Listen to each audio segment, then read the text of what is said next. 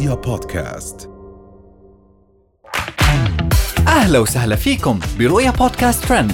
كل إشي بتحتاجوا تعرفوه عن آخر أخبار النجوم والمشاهير وأهم ترند صدر لهذا الأسبوع.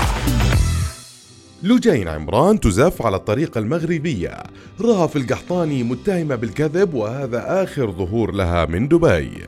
إلهام الفضالة وزوجها في مشهد تقليدي لرهف القحطاني ومروج الرحيلي. وأخيرا تفاصيل صادمة جديدة في قضية قتل الطفل صقر المطيري.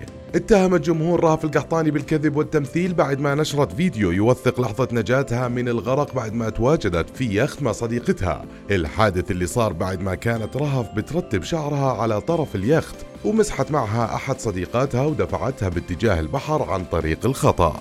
واتهم الجمهور رهف بالتمثيل والكذب بعد ما نشرت الفيديو وأكدوا إنه أسباب التشكيك هي ردة فعل صديقتها اللي حولها واللي اتسمت بالبرودة تجاه شخص بيغرق.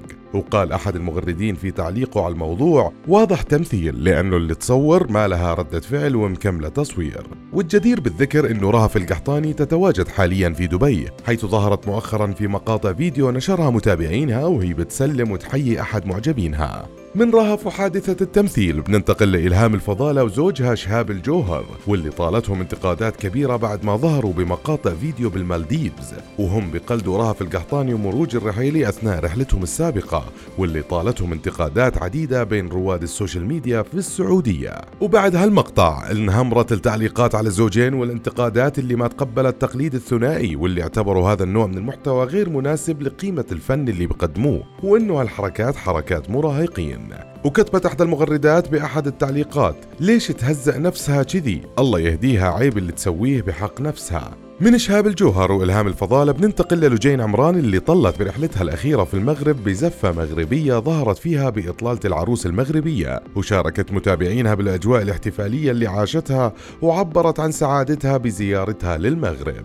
ومن أخبار المشاهير لأخبار الترند وخبر أزعج وأثار غضب رواد ال social media في الكويت بعد ما هزت الشارع الكويتي جريمة قتل أم لطفلها. وبالتفاصيل بداية تداول رواد ال social media في الكويت أنباء عن اختفاء الطفل صقر المطيري واللي تبين بعد ذلك إنه مقتول وان الجاني هي والدته. حيث تمت جريمة القتل في فبراير الماضي إلى أنه الوالدة أبلغت عن اختفائه خلال الأسبوع الحالي. وبعدها أرشدت الجهات الرسمية عن مكان تواجد الجثة اللي تم إلقائها في مكب النفايات. على أنها جثة لأحد الكلاب الضالة وكان أطفالها الثلاثة الباقين على علم بالجريمة إلا أنهم ما استطاعوا التبليغ عن والدتهم حفاظا على أرواحهم. وما كشفت الأم لليوم عن الأسباب اللي دفعتها للجريمة. وهاي كانت كل أخبارنا لليوم. بنشوفكم الحلقة الجاي. رؤيا بودكاست.